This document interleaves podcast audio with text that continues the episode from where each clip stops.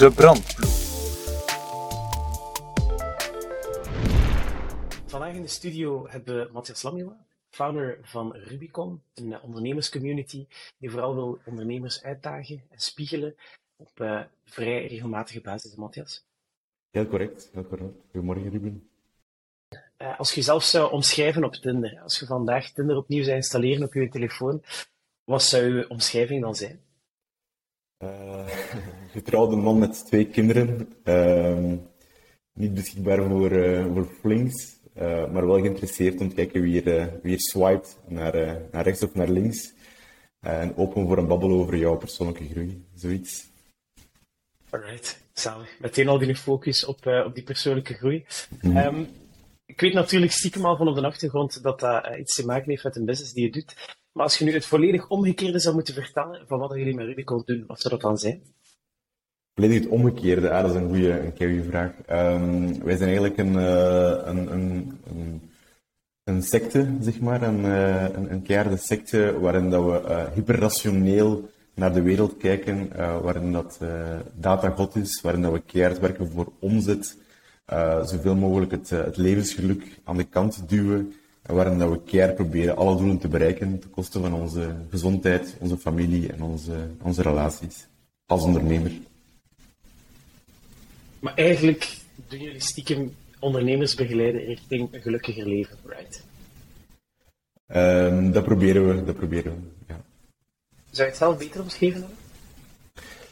Um, dat was de initiële definitie, uh, maar ik vond ook die definitie een beetje fluffy, om eerlijk te zijn. Mm -hmm.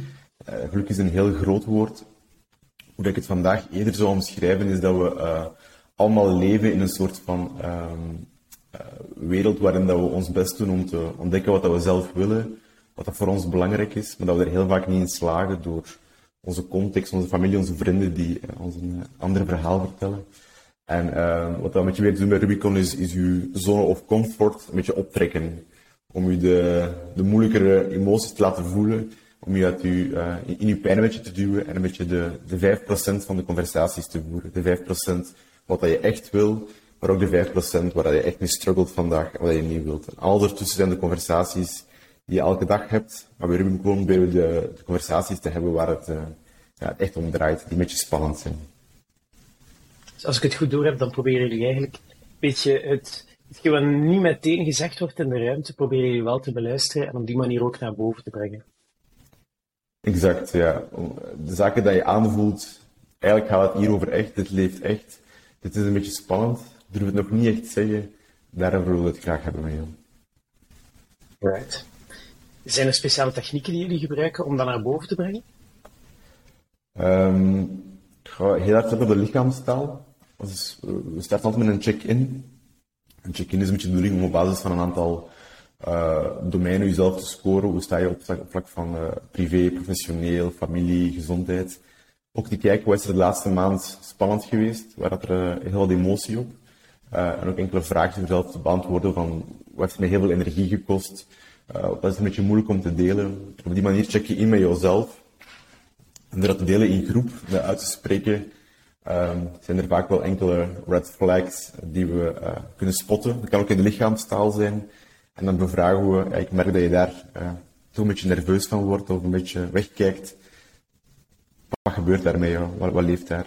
En zo proberen we te spotten wat er echt leeft en wat er echt wordt benoemd. Door mezelf en door de groep. Zalig. Ik zelf ben natuurlijk ook member bij Rubicon. Dat is ook waar wij elkaar vandaan kennen, Matthias. En ook meteen de reden waarom dat ik je vandaag heb uitgenodigd bij de brandploeg. Waar we natuurlijk luisteren naar het verhaal van straffe ondernemers die wel een keer de rol van brandweerman, brandweervrouw of brandweer X hebben gevoeld. Wat is voor jou zo'n goed moment geweest in uh, de laatste jaren? Um, veel, veel. Zoals je ook weet heb ik, uh, ben een beetje verslaafd aan het ondernemerschap en heb ik verschillende bedrijven in de, in de markt weer te zetten. Um, dus er waren heel wat brandjes misschien ook wel een beetje verslaafd aan het blussen van brandjes. Ik hou wel van die excitement die rondhangt van te pivoteren of, of bij te sturen. Eén verhaal dat misschien uh, ik wel kan delen is uh, een verhaal van drie jaar geleden. Um, ik had het, het, plan genomen om na de, de, verkoop van mijn vorig bedrijf om echt te doen wat ik heel graag wil doen. En ik kwam uit bij het organiseren van retreats in het buitenland, in het zonnetje, met mensen die vandaag nog in de koude kooi zitten, die bij de Big Four World werken, die heel getalenteerd zijn, ondernemer willen worden, maar niet echt uit die gouden kooi geraken. Dus we gingen hen meenemen in groepjes van tien naar, het, naar Barcelona om hen te proberen te overtuigen om ja, de sprong te wagen een eigen bedrijf te starten. Omdat er veel mensen ja, ongelukkig leven in zo'n gouden kooi. En het toch wel een beetje een, een nieuwer leven toonbaar te maken. Um, dat was een leuk idee. Um, ik had er ook al een co-founder voor gevonden, ook een, eerste medewerker. Uh, maar in de realiteit waren er een aantal problemen, een aantal brandjes. Het eerste probleem was retreats. Kan je eigenlijk helemaal niet van leven. Dat is heel complex, heel veel gedoe om mensen mee te sleuren naar het, uh, naar het buitenland.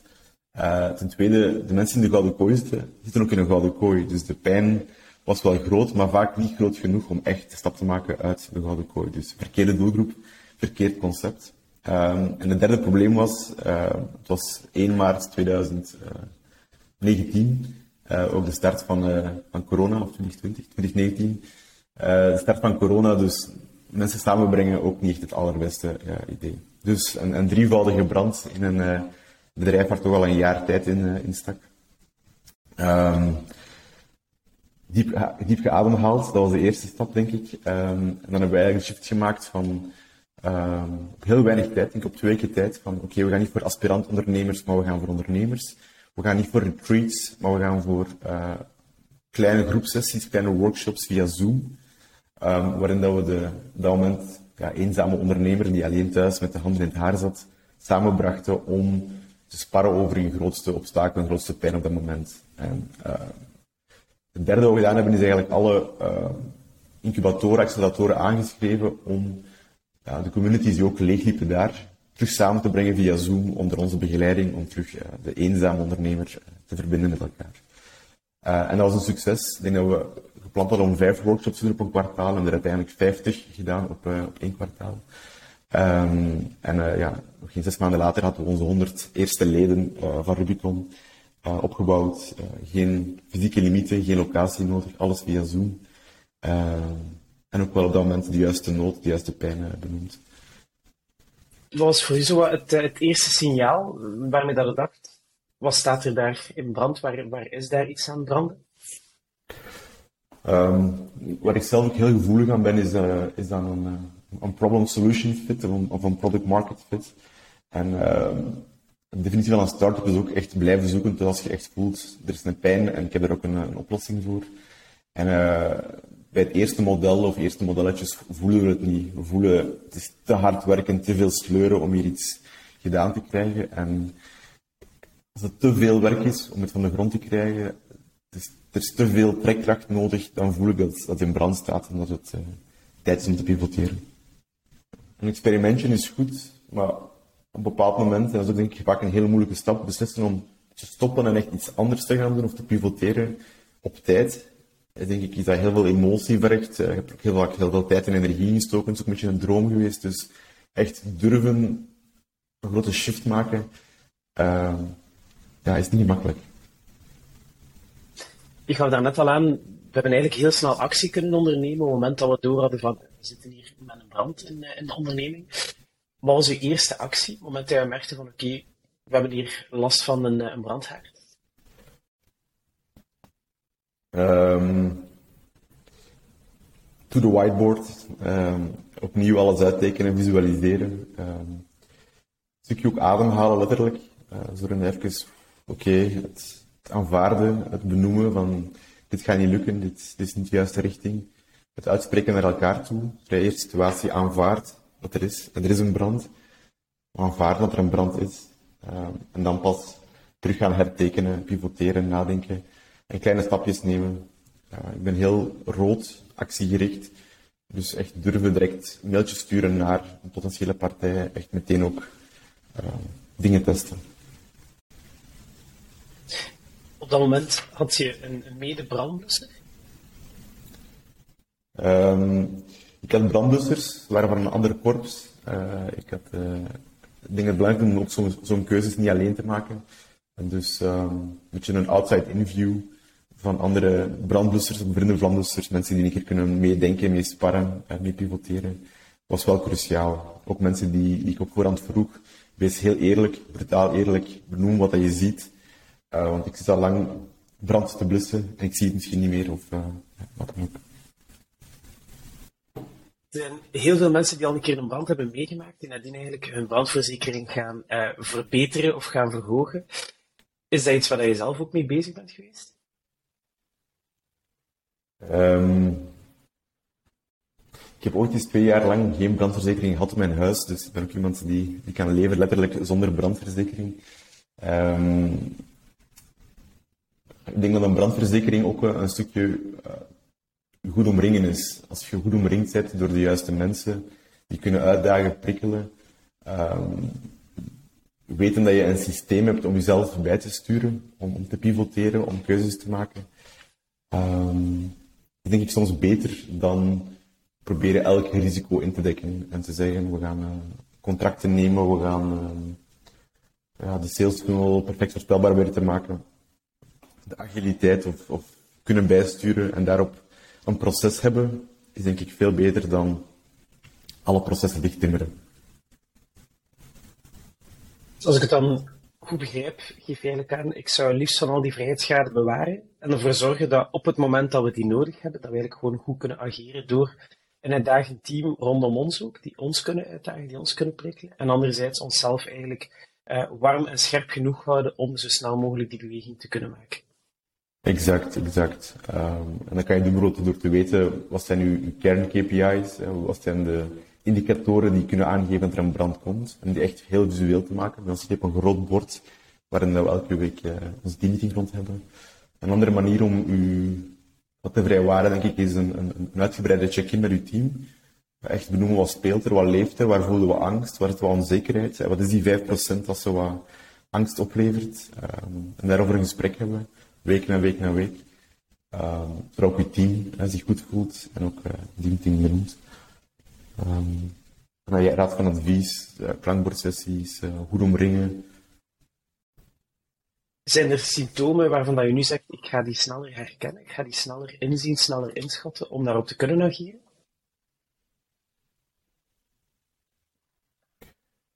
Um, ik ben heel lang een heel rationele mens geweest. En uh, onze hersenen zijn, top en onze ratio is fantastisch. Um, maar ik denk dat ons, onze intuïtie, intuïtie is een beetje een, een combinatie van ervaring en, en gevoel. Um, zeker het, uh, het gevoel angst wil je ergens ook wat vertellen. Dus de angst is een signaal dat je vertelt, is er in gevaar, er is iets nodig om te overleven. Dus ik denk dat ik veel meer ben beginnen vertrouwen op mijn buikgevoel, op mijn intuïtie. Te kijken van, wat leeft hier? Is het angst? Van waar komt die juist? Wat wil die aangeven? En dat uitspreken naar, naar anderen toe. En zo kijken, is het hier een, een irreële angst? Iets verbeelding? Of is het wel iets om aandacht aan te, schenken? Ik denk dat intuïtie en ons gevoel vaak meer vertelt dan uh, pure ratio. En dan uh, mijn laatste en misschien ook wel favoriete vraag. Wat is een rookmelder die je graag aan iedere uh, ondernemer zou willen meegeven? Elke week een, een check-in met uw team of met uw co-founder. dat je elke week even de week start op maandagochtend met per persoon vijf minuutjes. Wat leeft er, wat speelt er? ze gewoon kunnen benoemen wat er leeft, zonder oordeel, zonder dat erop wordt uh, doorgegaan, maar dat je even kunt de rookmelder in de kamer uh, laten spelen. Brand Matthias, om erbij te zijn vandaag, wat ik het meest ga onthouden, is hoe een brandweerman zich best zo agiel mogelijk kan houden om op die manier zo snel mogelijk te reageren op een nieuwe brand.